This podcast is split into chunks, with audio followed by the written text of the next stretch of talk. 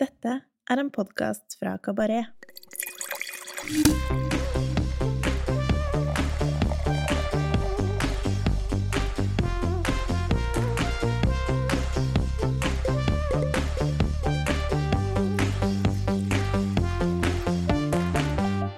Hallo, hallo. Velkommen til Ukas vin, en podkast fra Kabaret der vi hver uke tester én vin som vi enten digger eller har trøya på. Jeg heter Tommy Andresen, og i denne episoden har jeg med meg for siste gang i denne serien Simon Zimmermann, restaurantsjef og vinansvarlig for Happolati i Oslo. Hei, Simon. Hei, hei! Hei, hei. Du, eh, nå i fjerde og siste episode hvor du er gjest her i podkasten vår, skal vi snakke om litt fjellvin. I eh, denne episoden skal vi smake vin fra den lille dalregionen Valtellina, som ligger helt nord i Lombardia i Italia. Her befinner vi oss eh, ved foten av Alpene, eh, nesten på grensa til Sveits. Druen det fokuseres på her, er Kiavenaska, som er det lokale navnet på Nebbiolo. Hvilket eh, forhold har du til eh, disse fjellvinene, Simon? Et lite forhold, men eh, når de først er det, så er det som oftest alltid en veldig god opplevelse. Så det lages så mye god vin der oppe, men som sagt, det er ikke alt som finner veien. Men vi er jo heldige å ha, å ha noen av de bedre produsentene i landet, så det er jo veldig positivt. De produsentene som lager veldig gode viner, lager jo veldig unike viner. Med selvfølgelig unikt eh, lagringspotensial. Også litt på, litt på samme linje som Piemonte, bare at vinen er litt annerledes. Ja, det er det. Vi, det vi er jo på samme drue. Ehm, Det er eh, også det er et lite stykke ned, ned og vestover til eh, Piemonte. Så fjellet, fjellene rundt påvirker jo selvfølgelig vinstilen, sammen med jordsmonnet. Hva er dine tanker rundt Biolo fra Lombardia versus fra Piemonte? På Monte så er det, det er litt mer struktur i de, eh, men du har jo også da selvfølgelig en litt annen oppbygging av ikke minst vinmarker, plantealder, åssen druene eller åssen markene er, er jo håndtert, osv., osv. Piemonte er det jo også mer tett, for det er jo bokstavelig nesten vinmarker overalt, mens oppe i Valtellina så er det jo ikke vinmarker overalt.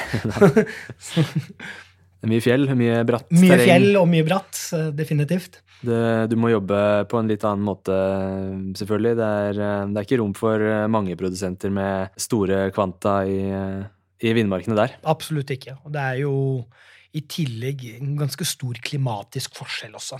Mm. I tanke med at vi er såpass nærme, eller i Alpene, i forhold til Piemonte, som er nærme Alpene. Mens i Valtellina er det jo i Alpene, nesten. Ja, ja. Og druen oppfører seg jo ganske annerledes sånn rent smaksmessig også. Den er liksom en kjøligere, friskere stil eh, lenger nord. Eh, ikke nødvendigvis liksom den samme konsentrasjonen og tyngden og dybden som uh, Piemonte har, men, men på toppnivå så syns jeg leverer, vinene leverer uh, veldig, veldig bra. Spesielt kanskje fra, fra produsenten RPP, som vi skal drikke i dag. Jeg syns jo også eksempel en, eh, en produsent som heter Barbacan uh, også lager gode viner fra regionen. Hvilke produsenter liker du i Lombardia, Simon? Altså, Min favorittprodusent er jo ARPP i Lombardia. Eh, men jeg har også smakt veldig gode eksemplarer av en produsent som heter Nino Negri, blant annet. Ja. Som også lager veldig gode vin. Jeg er ikke helt sikker på om den er representert i Norge, men eh, Det tror jeg. jeg tror det. Eh, Det er et kjent navn for meg. Jeg har ikke Ja. smakt vinene deres selv, men jeg har hørt navnet. Og ellers så er det vel ikke så fryktelig mye som er rundt omkring. Nei, det er du ikke. Det er en annen produsent som er litt mer i den, hva skal vi si, naturlige kultleiren. Det er en uh, gammel uh, fyr hvor vinene går under navnet Barbacarlo di Lino Maga. Har du smakt de vinene der? Aldri vært borti de. Det er, med, det er i regionen Oltrepo Pavese, så det er liksom helt andre druesorter uh, det er snakk om. Det er litt mer obskure navn som Croatina, Uvarara og Ugetta. Eh, ja, dette er bare viner som jeg har eh, på en måte registrert at drikkes med litt alder, og som er veldig veldig kule. Så jeg vet at det finnes litt eh, i, eh, i tilleggsutvalget i, i Norge. Veldig, veldig lite, men, men noe. De er visst veldig sånn rustikke i stilen. eh, og old school vin- vinmaking. Så det er verdt å sjekke ut, i hvert fall, hvis man, eh, hvis man søker andre ting i Lombardia. Et par timers eh, kjøring øst utover på ca. samme breddegrad finner vi jo også en, en spennende norditaliensk vinregion, nemlig Trentino. Eh, her forandrer den blå hoveddruen seg til Terol de Gaux, og regionen ledes an av produsenter som Elisabetta Foradori, Fulani på den naturlige siden, eh, Ferrari, boblemakere, og Cantina Terlano, eh, som jobber mest med hvitt. Fellestrekkene for de to fjellregionene er jo en, en elegans og kjølighet og friskhet som vinene lenger sør i Italia ikke helt har, på samme måte. Eh, det er jo også i Lombardia at de italienske boblene Franciacorta lages. Har du andre produsenter du setter pris på i de norditalienske fjellregionene, Simon? Jeg smakte en liten del av en produsent som heter Moneycore, som holder til i Trentino, eller Alto Alice. Mm. Så har du jo kult cabernet-produsent San Leonardo, som lager ja. veldig flotte viner. Stemmer. Som trenger også mye tid, men med alder så er de veldig flotte. Mm. Du har jo Köthererhof i Alta Dice, blant annet. Så det, det, det, det fins mye bra der oppe. Mm. Uh, og det er det de har alltid laget god vin, men jeg tror bare at er, de har laget mer vin for lokalt konsum. Uh, og hvor vi har nå de siste fem årene sett mer eksport ut av, ut av, regionene i nord enn det man kanskje har sett før. Altså Pimenta har jo alltid eksportert en del, men fra hvis vi tenker mot, mot Østerrike-siden, altså den uh, nordvestlige eller nordøstlige delen, mm. um, så kommer det mer og mer. Ja, og det er jo, eh, det er jo definitivt eh, kanskje Foradori og RPP som på en måte leder an blant, ja. blant uh, topprodusentene i, i Nord-Italia. Og vel fortjent også, vil jeg si. De lager jo helt strøkne viner. Selv om det er som du sier, at det er, det er, det er kanskje regioner som ikke har fått helt fotfeste på det norske markedet. Det er, det er, jo alltid, Når det er spesialslipp på Italia, så har jo Polet alltid hatt Det ligger jo alltid drøssevis med viner fra Alto Adige igjen ja, i hyllene lenge etterpå. Så det er, tydelig at ikke de kanskje selger like godt som det de skulle ønske? Nei, det er vel Markedet har vel kanskje ikke oppdaget den, da. Mm. Um, og det er jo det som er at Norge er jo et lite marked. Um, og veldig fokusert marked på enkelte ting. Ja. Og da faller veldig mye på en måte litt sånn i skyggen. Mm. Um, som både kan være positivt noen ganger, for det, det jo, da finner man jo faktisk ting på polet. Ja, ja.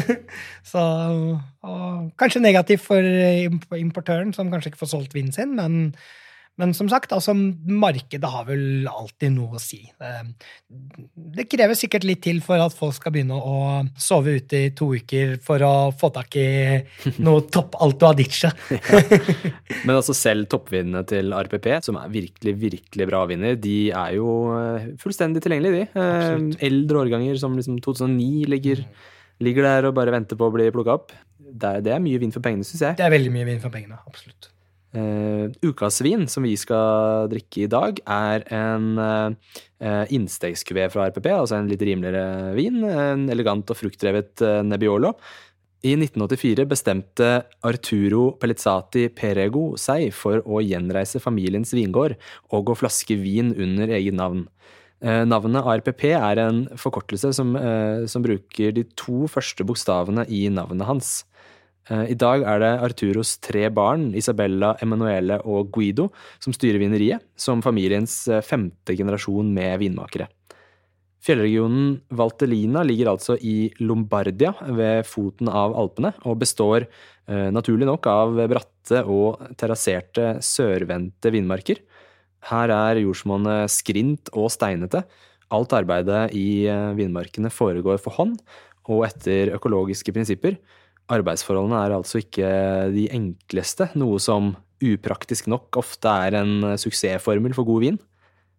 Familien eier totalt 10,5 eh, hektar vinmark og produserer rundt 50 000 flasker eh, årlig. Nebbiolo, eller Chiavenasca som druen heter lokalt, er eh, regionens viktigste blå drue og gir et nokså ulikt uttrykk av druen enn i Piemonte, hvor den er mer kjent. RPP har valgt å beholde regionens eh, tradisjonelle måte å lage vin på, med lang og kjølig masterasjonstid samt eh, bruk av store, gamle kastanjefat i tillegg til eikefat. Familievineriet jobber utelukkende med Nebbiolo, og satser kompromissløst på å vise frem terroir og mikroklimaer i de ulike vinene sine.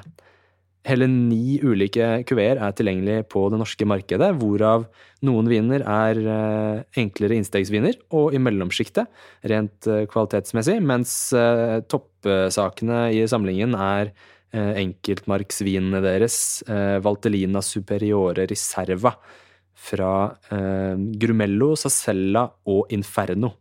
Her snakker vi viner med en dybde og presisjon som etter min mening matcher eh, det beste fra Piemonte, men i en litt kjøligere og friskere stil.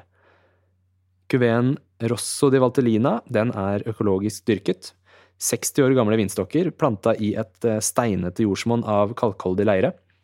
Druene kommer fra ulike vinmarker i Valtellina. Mosten spontanfermenteres med tre–fire uker skallmasterasjon videre modning i tre måneder på store, gamle slavonske eikefat før flasking.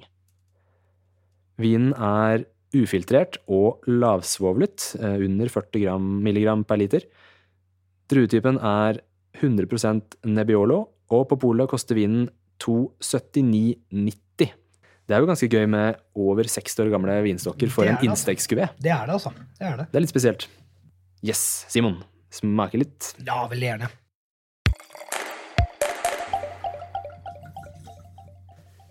Ja, farge. Hva tenker du? Altså, Den minner meg om sånn lys kirsebærrød farge.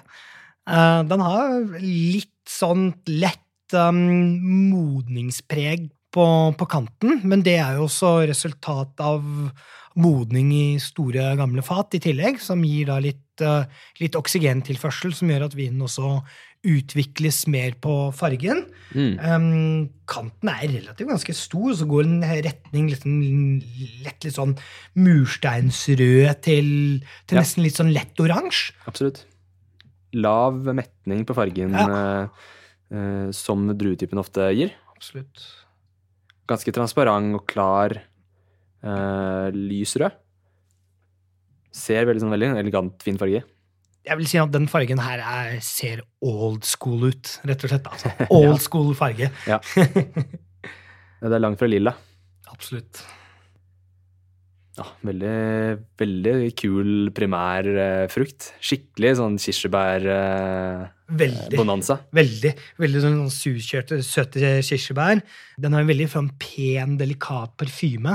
Ja, absolutt. Aromatisk og liksom floral, finstemt, eh, elegant, men med masse særpreg. Mm, absolutt. Det hinter også litt mer mot disse mm, lettflorale tonene. Altså Nesten litt sånn lilla, litt sånn alpeblomster som kan hinte litt mer mot sånn du vet, sånn fjellmynt, nei, fjelltimian. Altså sånn frisk, litt mm. på en måte lilla, lett, herbal floralitet, som er veldig interessant. Så Ricola-stemning? Ja, ja, nesten litt sånn. Ja.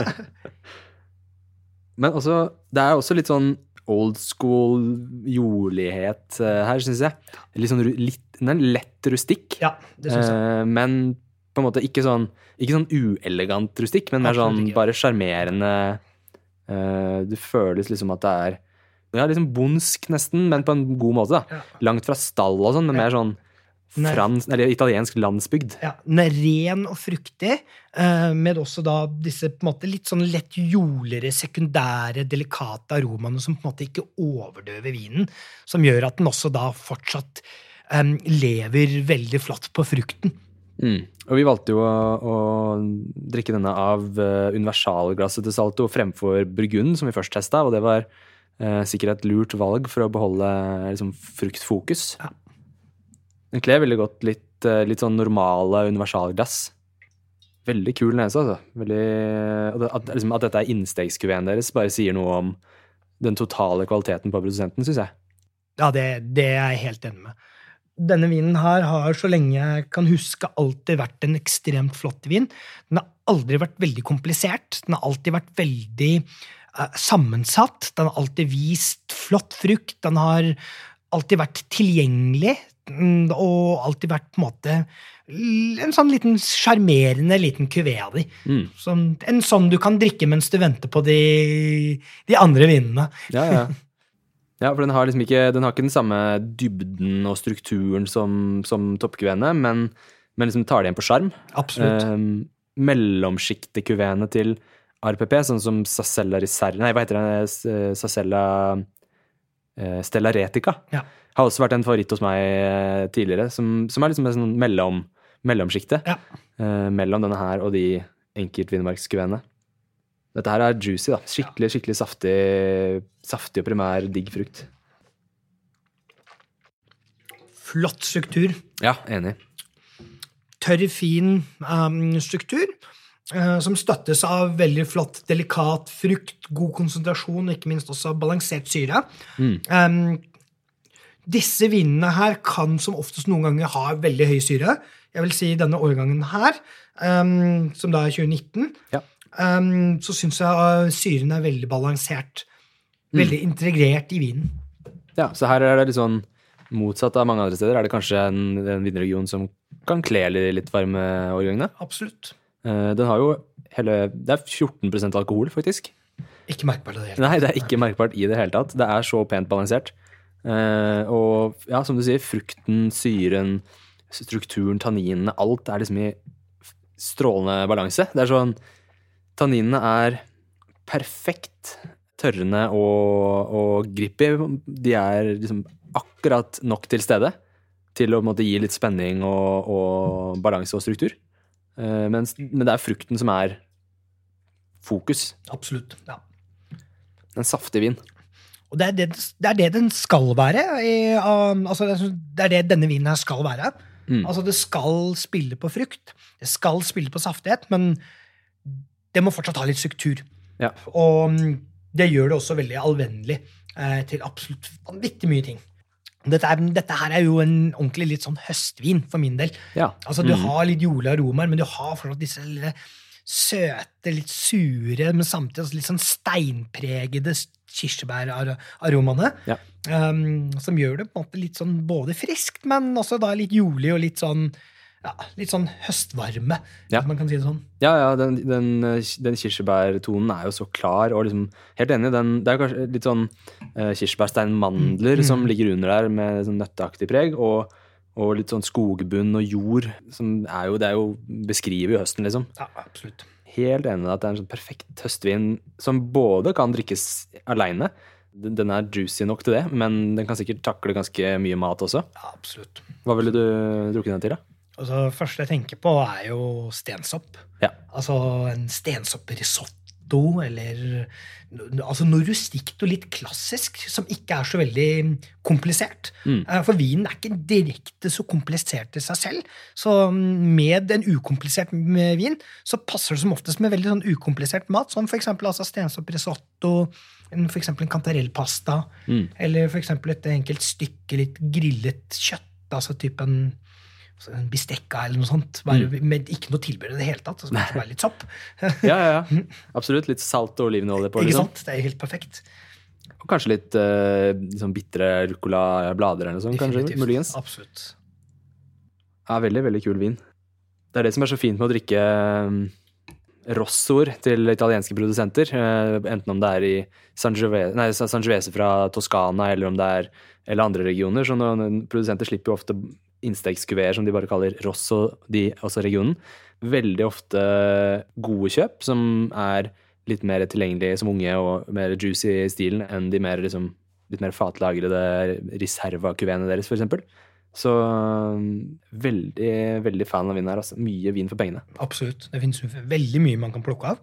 Um, og ikke minst som du sa, pris kontra kvalitet er som Mm. oftest alltid en ting som man alltid kan finne hos noen produsenter.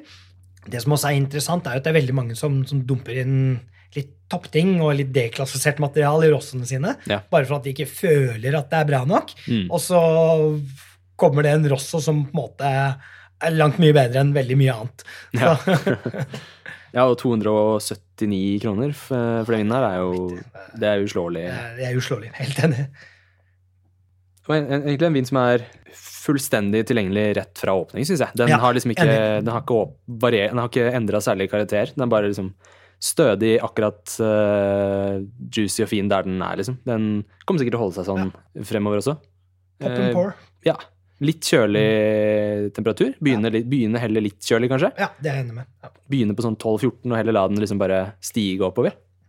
For jeg, jeg tror den, Det er jo 14% alkohol, så når den går for høy temperatur, så kanskje den blir liksom litt mot den plumpe siden. ja, Hvis du drikker hele flaska, så kommer du til å merke det i hodet. Så Ja. ja. da må flere eller spare til dagen etter. Dette er jo eh, naturlig laget, men veldig stabilt. da. Det, dette er sikkert vin som kan stå i kjøleskapet en uke uten å bli dårlig. lett, lett. Dette tåler mye luft. Dette det er jo laget med mye oksygen. Mm. Eh, Så vinene som er laget med mer oksygen, vil også være tolerant mot mer oksygen. Ja. Fordi at det stabiliserer seg. Her, eh, her finner du ikke noe Mausenes eh, dag, på dag to. Absolutt ikke. Så jeg tenker jo at det er um, Dette er jo også typisk en produsent som på en måte faller litt sånn i, i mellomsjiktet mellom de ulike leirene. Altså dette her, Jeg vet at eh, de mest klassiske ganene elsker APP, men også naturvinsentusiastene. Så den er liksom lettlikelig blant alle. Alle er liksom enes om at dette er bra. Og fint balansert mellom de to eh, stiltypene. Man kan jo betegne dette her som også klassisk, men også klassisk low intervention. Altså klassisk, um, klassisk naturlig. Old school Eh, hands off. off. old school naturlig, ja. Mm. Altså, det fins jo også Bare fordi at ting ikke er ufiltrert eller klaret eller tappet rett etter fermentering, altså betyr jo ikke at disse vinene her ikke er naturlige på den fronten. For det er jo blitt laget naturlige viner så, så lenge at, at måte, den nye stilen er kanskje den som man kjenner til som naturlig på grunn av at det er eh, mer synlig. Mm. eh, og, og ikke minst også mer merkbart. Ja, ja. Mens kanskje disse old school naturlige produsentene de på en måte har laget viner som de alltid har gjort, og har på en måte blitt på en måte integrert i litt i det klassiske sjiktet, hvor man kanskje ikke tenker på de som naturlige, Ja, på grunn av at de egentlig bare alltid har vært laget sånn, at det på en måte aldri har vært noe utvikling på åssen de, åssen de har laget vinene, på en måte. Mm. Så egentlig så er jo tradisjonelt og old school egentlig litt sånn begreper som, som de som liker naturlig vin, burde nesten omfavne, uh, istedenfor å på en måte skyve det fra seg. Eh, se på produsenter som uh, Emidio PP, for eksempel, også. Absolutt. eh, Godt Italia, eksempel. Ja. Som lager super old school viner, men eh, de selges jo på de hippeste naturvinsbarene og restaurantene restauranter i. København, liksom. Det er naturlig laget. Ja. Det, er, det, det handler bare egentlig mer om åssen du lager vinene. Og du kan fortsatt lage vinene old school og fortsatt være naturlige. Mm. Og naturlig laget, altså uten, uten sulfitt. Ja. Du må være flink nok til å lage det. Det er det som er, eh, det er, det som er tingen. Ikke sant? Altså, eh, RPP kunne sikkert lage dette. Nå er det jo litt tilstandsvold, bare sånn for å stabilisere litt, men kunne sikkert vært uh, dette der. Bare fått Definitivt. Ja, det, det tror jeg. litt annen karakter, kanskje, Ja. bare. Eller vært litt eh, Ja. Det kunne du sikkert gjort. Men fantastisk eksemplar på, ja, som du sier, ren, naturlig old school Mm. vinmaking. Kult. Ok, Simon. Eh, tusen takk for at du ble med oss i fire episoder. Det har vært veldig, veldig stas. Takk for at du fikk komme. Det var en glede. Følg med i neste episode. Da er det en ny vin og en ny sommelier. Ha det, ha det! Ha det bra. Husk at du finner info om vinen vi smaker på i episodeinfoen. Der finner du også en liste med produsentene vi nevner i episodene. Har du ris eller ros, må du gjerne sende en mail til vin at kabaret.no. Husk å abonnere på podkasten og gi oss gjerne noen stjerner.